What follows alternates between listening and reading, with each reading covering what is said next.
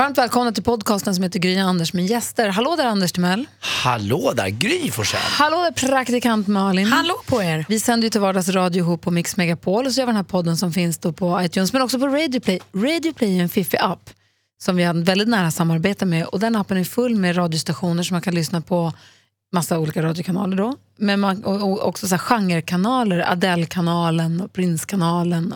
Men de har en massa podcast också som jag uppskattar jättemycket. Vilka lyssnar du på? Men jag har lyssnat lite på Historiepodden, tycker jag är härlig. Ihop med Josefin gillar jag. Sen så har jag börjat lyssna lite, den är ju himla ny, men Fightingpodden tycker jag är lite kul med Hans Wiklund och Mårten Söderström. Mm, jag lyssnar mest på Gry Anders med gäster. Ja men du gör det va? Ja, det är Och klart känslor och sånt med våran växelkalle. Den har jag inte hunnit med. Ja, jag smyglyssnat på den lite. Den Har är du också gjort bra. det? Ja, det är klart jag har. Känslor och sånt. Det är växelkalle och hans kompis Niklas som vi känner som hiphopparen Nielo och så Nielos, eller Niklas brorsa. De pratar känslor och sånt. Gulliga killar. Nu däremot så vill vi att ni lyssnar hela hjärtat på just den här podcasten och ni får gärna, om ni lyssnar via iTunes, gå in och klicka stjärnor. Det blir vi jätteglada för.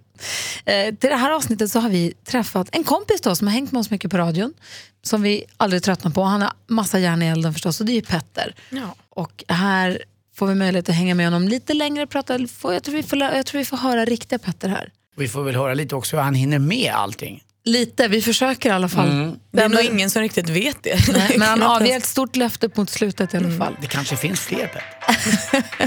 Ja, då kör vi då, varsågoda. Gry och Anders med gäster. När var du på stan senast? När jag var på stan. Hörru, eh, senast jag var ute, då var jag, jag var inte ens ute. Jag var och käkade middag på en av dina krogar och blev magsjuk. Nej, vilken då? Eh, Sturehof, Är det sant? Vad åt du? ostron. Dåligt. Det är inte restaurangens fel, det är ostronens fel. Faktiskt. Ja, men det borde inte vara så därför att de måste stå åtgång på ostron så att det borde faktiskt eh, vara Nej, men alltså, ligga. på riktigt, eh, det var fantastiskt. Men jag har varit dålig efter. Är det inte så också att du är van vid eh, södermat och att, eh, vid skitmat helt enkelt och att du då när du äter finmat sådär att eh, den reagerar? Ja, du menar att den är så här helt bakterier? Eller, Du får ta vara. så här Ducoral i två veckor när du ska lämna söder och äta någon annanstans. Så Eller så har han Nej, men riktiga skaldjur från västkusten. Jag älskar Sturehof, jag tycker det är så jävla bra. Däremot så var jag tvungen att ringa och säga det till dem. För jag, sa, jag tror faktiskt att jag blev dålig. Och det, men det är inget ont om det, för jag har ätit eh, det tusen gånger där och det är sjukt bra. Och det ska man göra. Nu har vi ett kärt återseende med en av våra härligaste och Jag tänkte närmsta att eftersom vänner. du har Tourettes så tänkte jag också ha lite Tourettes. Bra, Förlåt, bra. ja, sorry Gry. Petter Alexis Askegren, välkommen tillbaka till vår studio. Hej, tack. Hej! Vi har ju en mångårig historia tillsammans. Du var ju under en lång, lång tid återkommande kompis på radioprogrammet. Exakt. Men sen fick du en miljard barn till, så sen och så tre, 13 andra karriärer. Och så massa andra grejer att göra. Så att, eh, tyvärr, men, men det var otroligt roligt så länge det var. Grattis till barn. Tack. Ronin, hemskt söt. Ronin, säger jag. Inte jag. Nej, man får, vet vad, man får faktiskt säga, man får säga vad man vill. Ronin är gullig. Få höra nu, dina barn. Hur gamla och vad heter de? Hur många är de? Eh, de är fyra, Ronin är sex månader och eh, Lexus fyller tio precis. Vita är, vad är hon nu? Hon fyller åtta i eh, november och alltså hon är sju och sen så är Alfons 12, fyller 13 nu då. Jag tänker, du som är så, det har vi pratat mycket om, men du som är så besatt av att göra listor Mm. för att få ordning på ditt liv, bygger gubbe av kläderna på morgonen och gör listor och allting. Jag såg också på Instagram tror jag att dina barn också nu gör listor. Eh, ja, Alfons och Vita gör listor ibland ja. ja och Alfons gör ofta gubben. Det måste bli en faslig massa listor nu. Ja, men det är ett bra sätt att organisera upp livet. Men vad, vad har Vita åtta år att skriva på listan? Ja, men hon skrev ju en lista för ett tag sedan. Men hon tycker om att skriva, det är mer det. Ja. Så då man säger till Bra. henne på kvällen så här, men ska du inte göra en lista? Då tycker hon det är skitkul. För Ja, då gör hon en lista och, Och så då skriver hon, Ja, så skriver hon så här, tvätta håret, äh, klä på mig. Det är ganska så här självklara grejer. i och för sig. Perfekt men, tycker men, jag. Det är en bra lista. men det är ändå roligt. Och hon tycker det är kul att skriva och sådär. vi brukar fråga våra gäster om de fem första. Mm. Det kommer sprunget ur Veronica Maggios eh, senaste låt faktiskt. Fem första vad? Dina för, du, det märker du. Vi börjar med ditt första jobbet. Otålig. Eh, mitt första riktiga jobb som jag hade. ehm, jag fick jobba i en brödbod på västkusten. På Kosteröarna som sommarjobb. Och sen så jobbade jag bara med det ungefär. Jag tror inte jag jobbade hela tiden som avsatt som jag skulle jobba. Vad gjorde du? Eh, nej men då ville jag åka hem tidigare. Då, Men vad då, gjorde du i Boden? Nej men jag stod och sålde till Okej. båtar där nere i hamnen. Jag stod och sålde bröd. Mysigt alltså så det här, va? Mysigt. Ja men det var mysigt.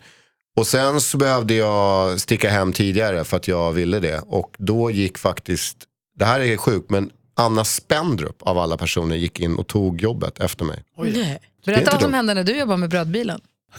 Jag var ju 19 år, man var ju ständigt nästan hård. Eh, så jag satte mig där bland semlor och prinsessbakelser och Runkar du drog, i- jag drog en Tarzan. På, ba, på Banhusbron. Han tyckte jag det doftade kunde så inte gott. hålla mig, det var sån jäkla stämning. Alldeles ensam också, var ju uppe i ottan, det var ingen annan som brydde sig. Du körde brödbilen med Ja. bullar till vem då? Till butiken? Ja, till, eh, det var Kringlands bageri faktiskt. Det var deras bröd. Mums. Ja. ja, men det var inget, det var inte så att jag garnerade. Utan, Nej, fantastiskt. Är det fantastiskt att du... frosting på de här? Ja. Nej, nu är det. Du satt inte bland bröden. nej, men jag satt där fram och bröden satt där bak och höll mig sällskap. Ja. Det var rätt skönt. Ja, those were the days. Slå upp Tourettes i en bok och så man en bild på dig. Men det är inte Tourettes, det var en vanlig dag. Du också, har inte du gjort något konstigt någon gång? Jo, det massor. Men tänker konstigaste inte berätta ställe om du det har nu. runkat på? Nej, det tänker jag inte berätta här. Säg annars betyder otur för eh, alla. Nej. Okej. Första lägenheten. Eh, Alvik. Vad var det för lägenhet och vem bodde du med? Jag bodde själv först och sen så bodde jag väl med någon flickvän tror jag. Var den stor? Nej, nej, den var liten. Alltså den var säkert, kan ha varit 40 någonting, typ så. Första förhållandet då? Eh, en tjej i klassen, i, i gymnasiet. Jag gick på humanistiskt, det var 25 brudar i Ja, varje jag, klass. vet, jag gick också på Det var ju rena Det bästa liksom, man kunde ha, göra. för fan, det var ju super genidrag och söka Ja, dig. ja, Det var ju ja, så ja. enda linjen jag kom in på för alla pojkar fick plus två i betyg för att man var kille. Humanistiskt, finns den ens kvar idag? Jag vet faktiskt, jag kan det- inte. nej, Men det var bra. Det var ju bra. Man läste liksom eh, man läste klassisk eh, grekiska och latin, Mm. kinesiska, italienska, spanska, engelska. Du vet, så här. Jag kunde inte stava så jävla bra heller. Jättebra linje för dig. Har du kontakt med den tjejen du blev kär i då? Nej, Skulle du inte. känna igen henne? Ja, absolut. Vi möttes på gatan för något år sedan. Vad heter hon? Ann. Ann. Första sorgen. Eh, första sorgen. Gud, jag vet inte. Någonting som har med så här äh, väldigt ähm, eldig ungdomskärlek att göra. Det tror jag. Alltså så här, riktig sorg. Det tror jag. Första bröllopet. Fan, det, kan- det är frågan om inte det var när Sleepy gifte sig. Alltså. Som jag gick på bröllop första gången. Hur var det Jag då? tror fan det. Hur var det bröllopet? Nej, det var bra, det var stökigt liksom. Det var ute på Grinda. Ja, nej, jag missade båten hem och så hade jag ställt mig på fel brygga och Var du bäst röjde runt med Christian Falk då på den tiden. var du bäst man till honom eller? Ehm, nej, det var inte. Det var nog Mange Schmidt som var tror jag. Ehm, Det låter lugnt.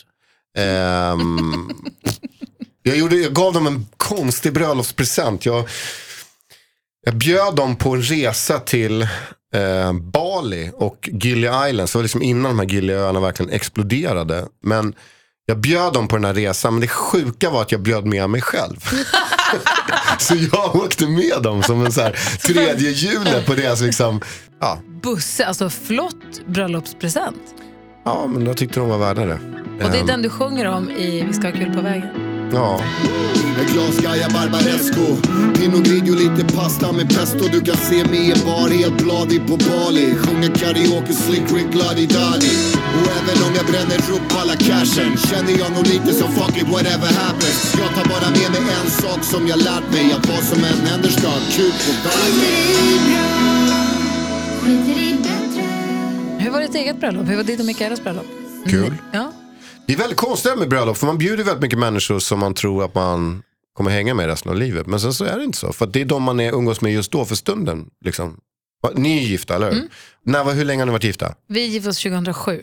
Jaha, okej. Ja, men, vi, vi, ja, men alltså jättemånga. Ja, men skulle ni ta, ta, ta den grejen idag? Skulle ni bjuda exakt samma gäster? Nej, inte exakt. Många, skulle, många av de som var där då skulle bli bjudna igen. Men det finns ju en enormt massa människor som har kommit in i, alltså som man skulle vilja bjuda till. Förstår du? Ja.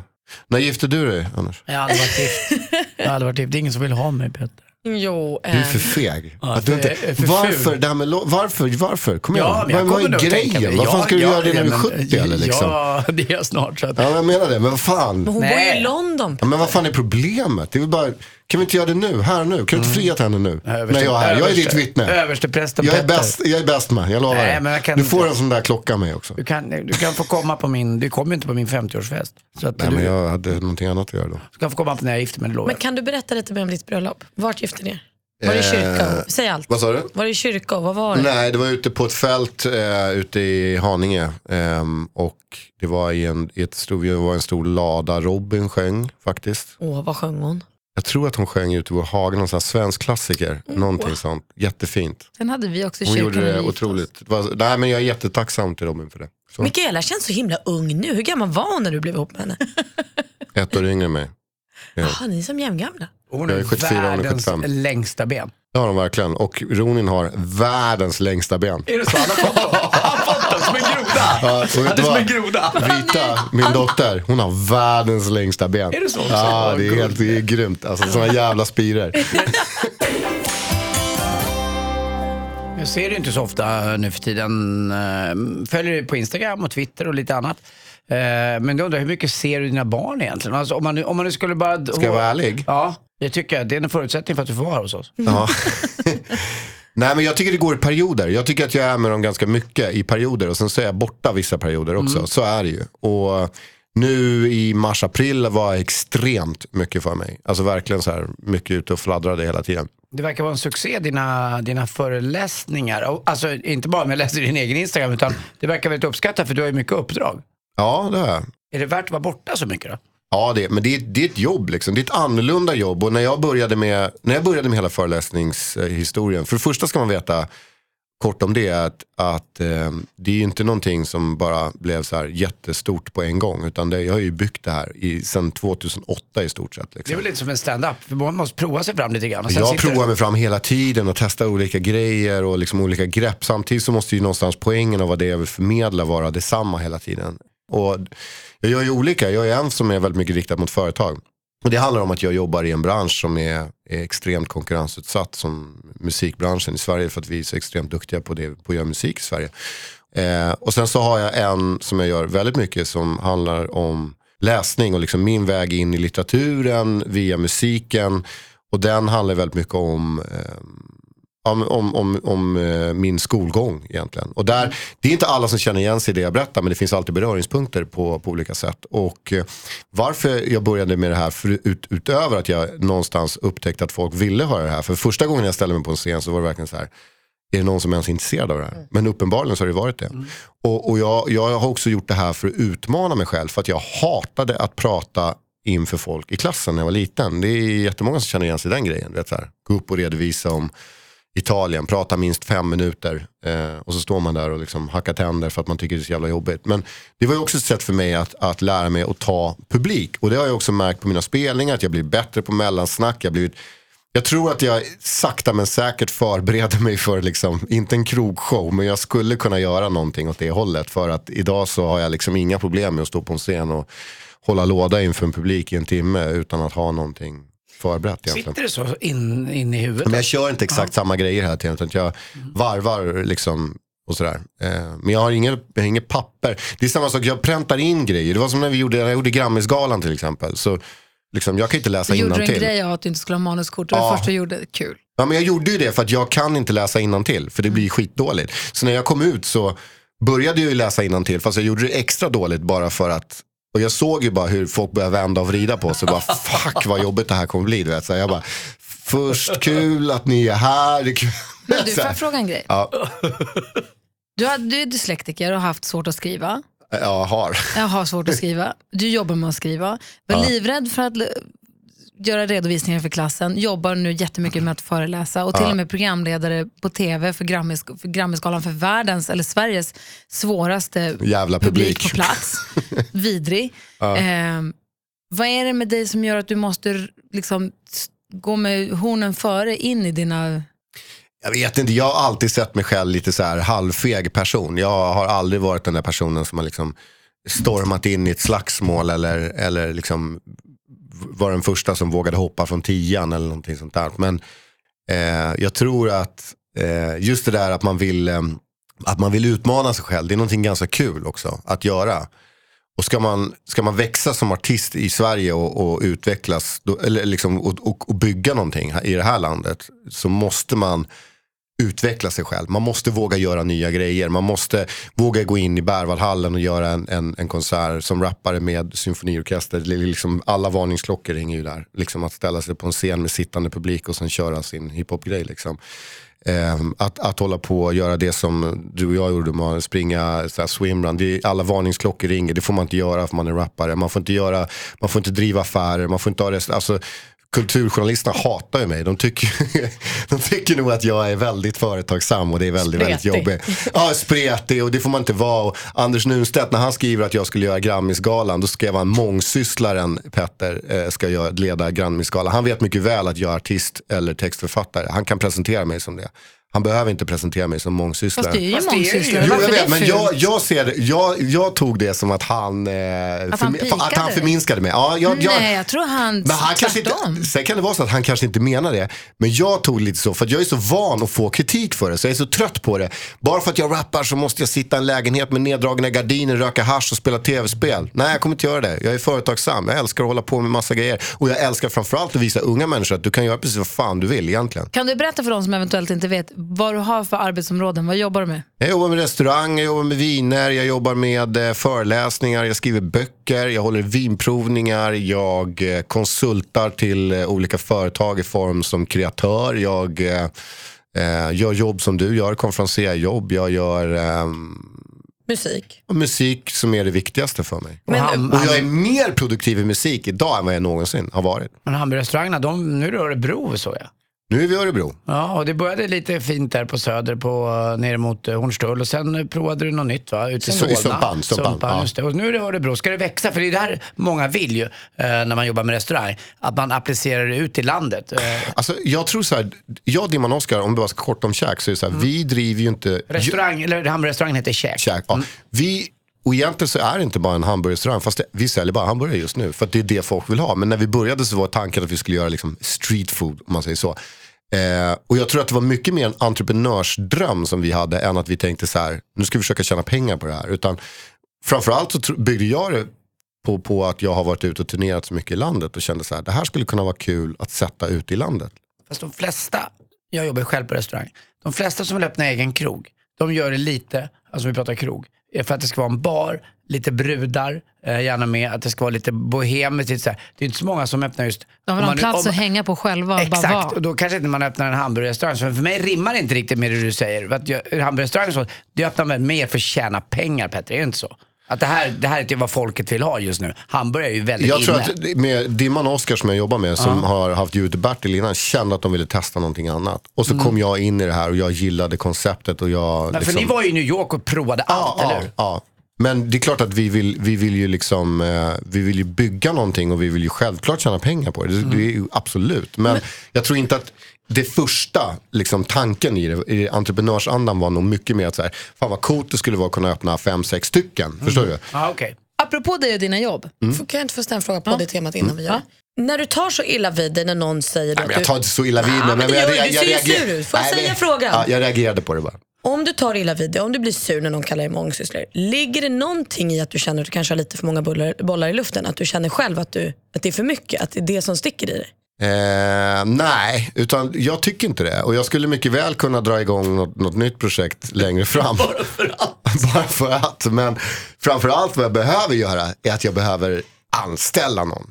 Det är det som är Har stora du noll problemet. anställda idag? Jag har noll anställda så jag går ju som en liksom, du vet, jag går ju på knäna i många lägen. Men, Ja. och sen så jag, liksom är, lever jag med en kvinna som jobbar ganska mycket också. Så att vi båda två har ju nog kommit till någon sorts insikt att så här, okej, den här situationen är kanske inte så jävla hållbar att hålla på med så mycket grejer. Jag måste anställa någon och vi måste liksom hitta en... Ska ni inte bara skaffa en hund också? Nej, fan heller. Aldrig i livet. Men det är inte skraj. Nej, alltså, det har varit på tapeten men jag har ju, där har jag kastat in någon sorts familjeveto och bara sagt att det händer inte. Jag måste ju fråga då. Jag hade ju en depression när jag var runt 40. Det var ju inte bara arbete, det är ju ett helt liv som kommer ikapp en. Men är du rädd för att slappna av, att bara sätta dig någonstans och tänka efter att, och låta allting komma till dig? För det, det, nu ska jag inte säga att det är så, men det, flyr du från någonting genom att i, hela tiden sysselsätta dig med någonting? Eh, jag tror att det, det ligger säkert någon sanning i det, som du säger. Det, absolut, visst kan det vara så. Ehm, problemet är att jag har liksom inte riktigt stannat upp, så jag har inte riktigt kunnat analysera den situationen. Men jag tror att jag är en sån person som skulle säkert, om jag fick ett fritt schema, bara så här, verkligen dundra på med massa grejer. Men Har du några varningssignaler, hjärtklappning eller att du får noja eller handsvett? Jag vet inte vad. Det är jobbiga med sociala fobier. ehm, nej, jag hade problem med ögat för i våras. Hade jag. Vad händer då? Jag vet inte. Jag fick- det, det var, nej, inte. Tics. Nej, men det var som att jag trodde att jag hade fått en gren i ögat, men det var inte det. Och så var det, jag hade fått någon sorts ärr där, jag vet inte av var det kom ifrån. Eh, men sen försvann det.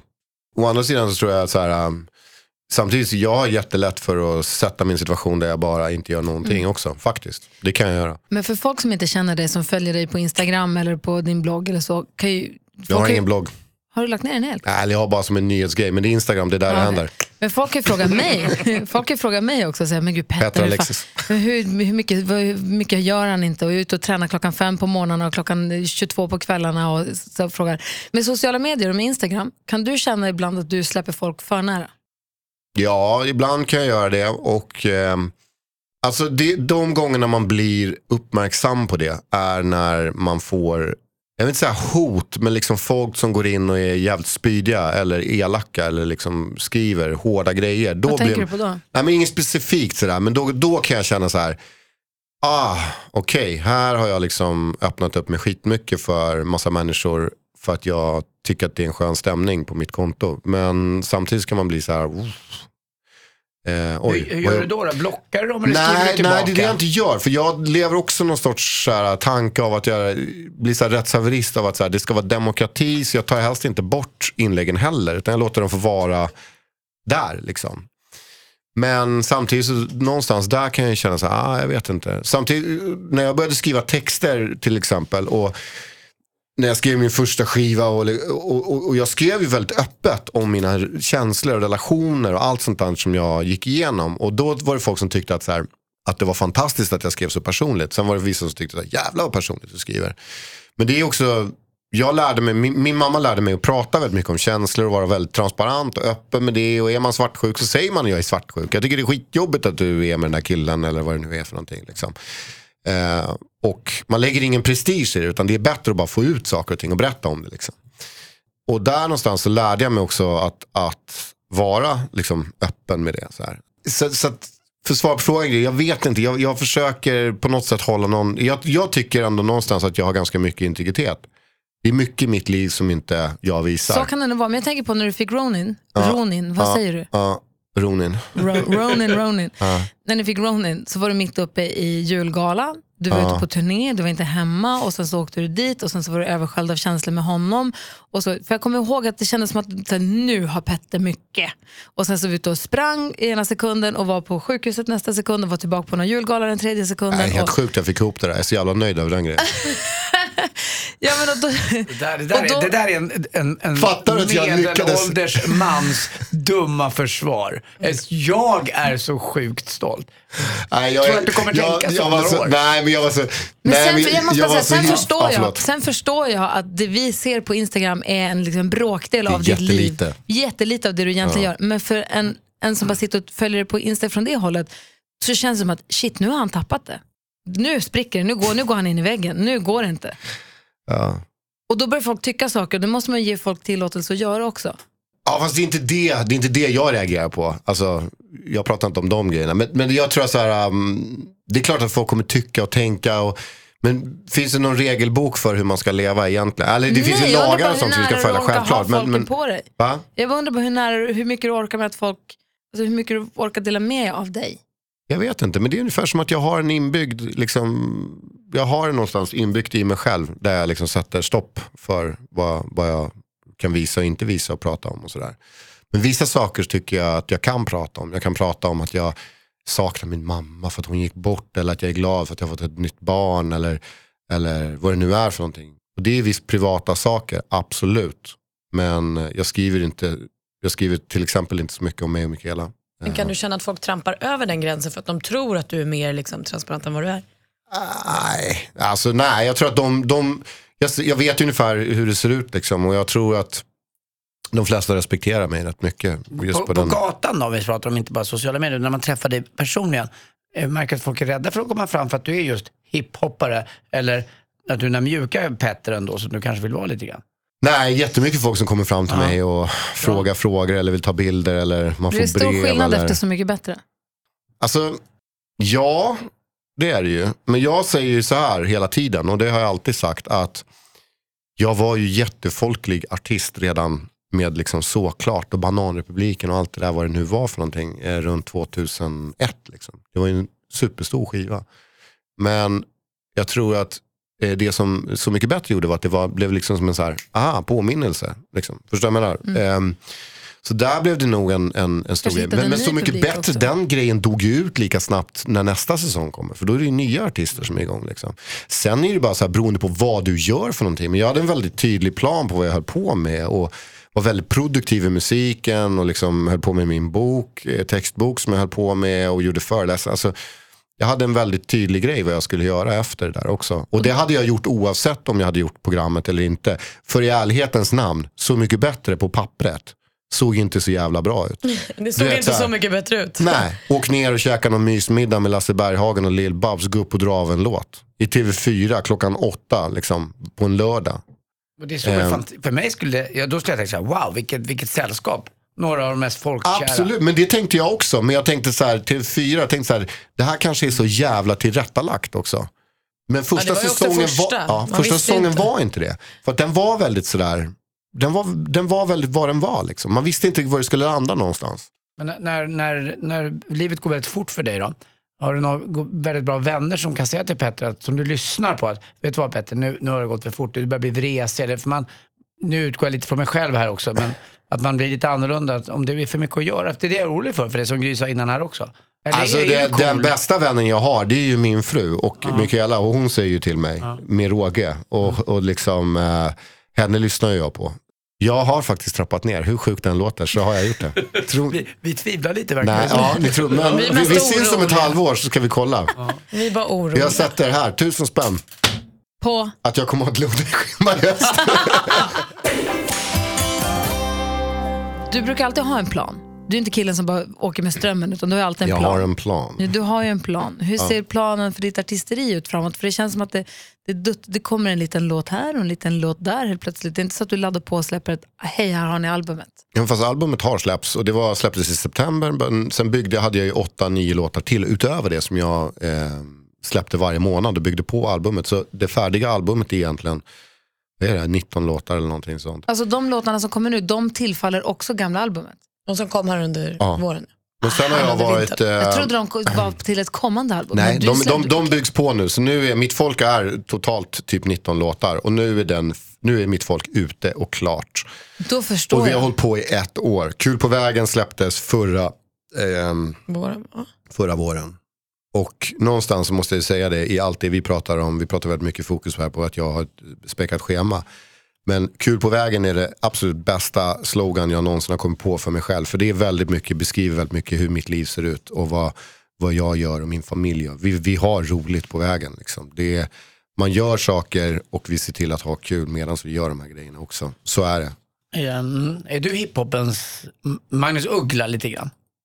Ganska folklig, men lite bitsk. Så. Jag är ju inte som Magnus Uggla som person. Nej, det alls vet jag. Nej, vis. men du är rätt Eh, folklig och du kommer ju aldrig slå utomlands om du inte skriver på engelska, vilket han aldrig gjort. Han är gigantisk Nej, men jag vill inte skriva på engelska. Varför det? För att jag kan inte uttrycka mig på det engelska språket. Har du provat och vill du inte prova? Du, Nej, alltså du jag provade du en gång i tiden men jag, jag, men jag kan inte uttrycka mig på det sättet så att det går inte. Nej jag kommer alltid skriva på svenska. Är du hiphopens Magnus Uggla undrar Anders? Ja. Det är många som kallar mig för olika saker. De kallar mig för hiphopens Per Gessle. Så Filip och Fredrik skrev det någon gång om mig. Alltså. Ja. Men det är, vadå, det är bara att säga hiphop istället för hiphop. Hiphop. Nej men jag... Ja, eh, sen är det klart. jag, håller på, jag, har, jag har precis spelat in en, en ny skiva som håller på att bli klar. Som jag spelade in på Skeppsholmen. Med eh, en producent som heter Mattias Glavo. Och det var en, en, ska man säga, en liveinspelning egentligen alltihopa. När Oj, skoj. Men när hann du göra det? Det gjorde jag för eh, två veckor sedan. Jaha. Just innan han öppnade käk i Örebro. Vi gjorde två, Mellan han fick nej barn. men käk öppnade vi på helgen emellan. Men vi gjorde, vi gjorde två vi gjorde två väldigt intensiva veckor i en studio. I Benny Anderssons studio på Skeppsholmen som är jättefin. Och den skivan kommer heta Skeppsholmen. Och allting är inspelat där. Coolt. Vem sjunger på refrängerna på den skivan? Veronica Det är det. Maggio. Ska du gästa Maggio på Stadion? Eh, det tror jag inte att jag kommer göra. Men sluta, det är klart du ska. Hon har ju sagt att hon ska ha massa gäster och du och hon är ju som bäst. Hon har inte frågat mig. Vem sjunger på refrängerna på din skiva? Nej, men jag har massa eh, coola namn på den här skivan. Bra artister som är med. Och, och liksom, vi har gjort en ny, ny variant av massa låtar och så har vi några nya låtar också. Kan du mima ett namn? Nej, Kan ni inte? Jag spräcker promoplanen. Hela hans, hans liv, hela hans liv är en affärsidé. Fast det är ganska trevlig affärsidé du lever i. Som du säger, kul på vägen. Det verkar du ha. Ja. Du börjar bli gråhårig. Är det jobbigt? Ha, har jag gråa hårstrån? det har Vart du. då? Ganska duktigt. På vid tidningarna. Tycker du att det är jobbigt att bli äldre? Nej, jag tänker inte så mycket på det egentligen. Jag tror bara det som jag kan tycka är lite jobbigt med eh, ålder. Det var, jag satt på Lisas café i morse och så var det en tjej som hade yogastudio och då började jag tänka på det. här. Det är så jävla stel. Det hade varit bra att vara lite mer rörlig. Eh, och ju äldre man blir så känner man fan att man blir stelare och stelare. Ja, man sitter inte på Så det är benet i soffan. Nej. det är, annars är allting som vanligt. När Precis du, som vanligt. Den, den står som den ska. Bra Petter. när du hängde med oss på morgnarna på radion Ja. så klagade du på våra frukostmackor och så sa ni måste köpa dem av Lisas café. Ja. Och fortfarande, det kommer ju en brödbil varje morgon med mackor från Lisas café. Hon levererar fortfarande? Ja, vi köper handlar henne härligt. varje dag. Ja, det är bra. Det verkar vara ett skönt gäng som hänger där lite. Hang, hangarounds. Ja men exakt. Vad är det? Kan du Som- förklara det är som för den som aldrig varit där? Vad är Nej, det men det är liksom, det är söderlegender som är jävligt roliga personer som jag gillar att hänga med. Det är lite, det, det, det här låter ju sjukt fånigt att säga, men det är väldigt mycket det gamla Södermalm som jag växte upp med. Ehm, och på något sätt så ger det mig en, en så här liten skön barndomskänsla. Och nu är det en, en av de mest liksom, karismatiska personerna där, det är en kille som heter Tompa, men vi kallar honom för Taveltompa. För att är- han målar tavlor. Nej, han är duktig på tavlor. Liksom, håller på. Köper och säljer va?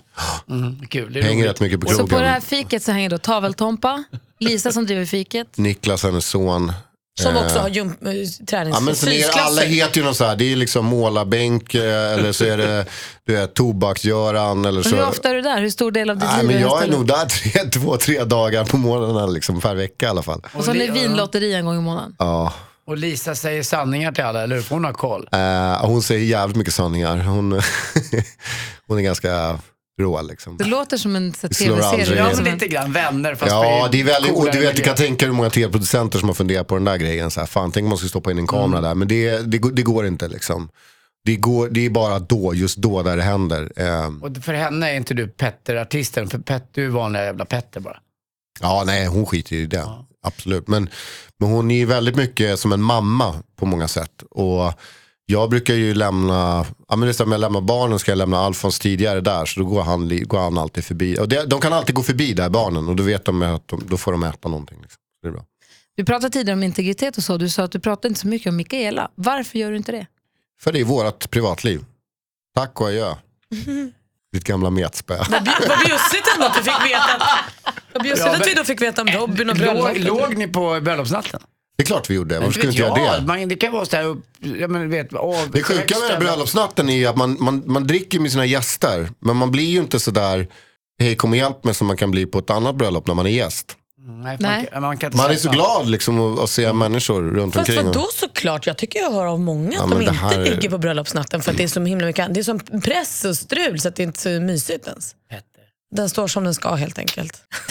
Singen på nya skivan. Första När ligger- singeln när- från Skivan men Skeppsholmen, den När står som ligger den ni? ska. Det undrar jag. Jag tänker på det. Det måste ju vara eftermiddagars ligg innan ni går och hämtar barnen. Eller så är det sent på kvällen. Men då måste du vara så jävla trött så då pallar du inte. Varje dag, hela tiden. Nej men jag tänker på det. Åh, det kan inte, det, kan inte, det kan inte vara så att, att ni drar av en snabbis innan du... när ligger innan, ni? du- Nej men nu frågar jag dig. Och jag vände på det. Det är du som är gästen. Exakt. Så Får vänder jag fråga en sak? Kommer du spela någonting i sommar?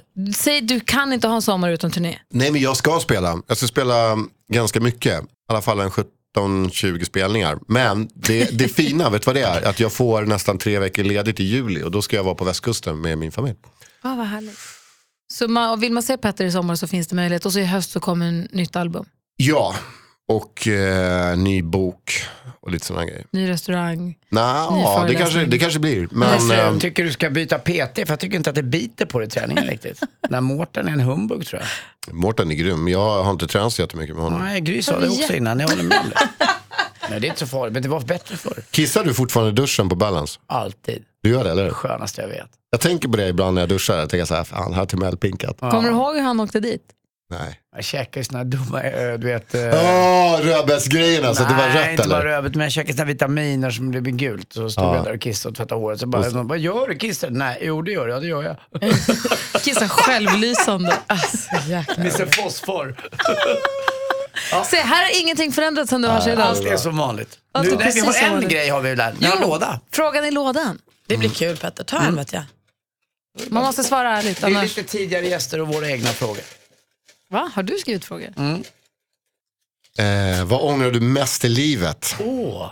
Jag ångrar, jag ångrar nog ganska mycket grejer, men jag har också sett men jag, jag, jag lever ju väldigt mycket efter det här, liksom, man lär sig av sina misstag, eller det låter väldigt klyschigt, man lär sig av sina misstag och så går man vidare i livet. Men, nej, men jag, jag ångrar nog eh, en hel del grejer, kanske att jag inte eh, satsade på idrott mycket mer av min egen vilja när jag var yngre. Att Kan jag, det vara det du ångrar mest i livet? Att du inte satsar mer på idrott? Ja, men så grejer som jag, att jag var inte, fram tills att jag började göra musik så var jag väldigt ofokuserad. Liksom.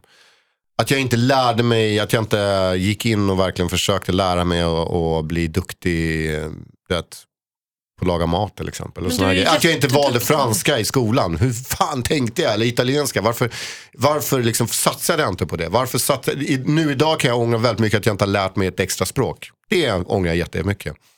Fan, är det för sent att lära sig ett språk? Liksom? Det kanske är det. Jag vet inte. Du laddade ner en sån här app bara. Säger du som snart är 70. Nej, men det är ju inte det. Men däremot förstår jag din, eh, vad du ställer ställer frågan, varför ska man lära sig latin och skit? För de sånt har användning för. Men det tänker man ju inte på. Var sak har sin tid. Så det, tesen du säger först tycker jag är bra. Det är klart man kan ångra, men då får man lära sig något av det och kanske ta vara på tillfällena som kommer nu istället. Hörru, du, härligt att se dig igen. Tack snälla för att du kom och Kul. hälsade på oss. Tack. Skitbra. Värdelösa frågor. Men annars bra. Hip hop, we don't stop. Nej, jag skojar bara. Mångsysslan Petter måste hassla vidare. Nej, det var jättekul att få vara här. Tack så hemskt mycket. Jag har saknat er supermycket. Ditåt. Yeah. Jag är kärleken i en porrfilm. Jag är ärligheten i showbiz.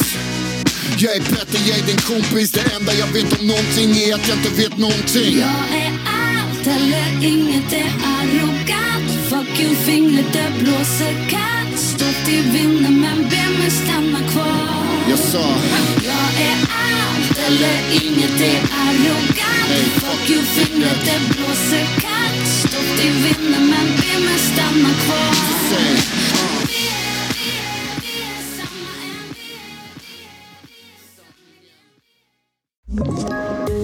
poddtips från Podplay. I podden Något Kaiko garanterar östgötarna Brutti och jag, Davva, dig en stor dos skratt. Där följer jag pladask för köttätandet igen. Man är lite som en jävla vampyr. Man har fått lite blodsmak och då måste man ha mer. Udda spaningar, fängslande anekdoter och en och annan arg rant. Jag måste ha mitt kaffe på morgonen för annars är jag ingen trevlig människa. Då är du ingen trevlig människa, punkt. Något Kaiko, hör du på Podplay. Därför är gardinerna.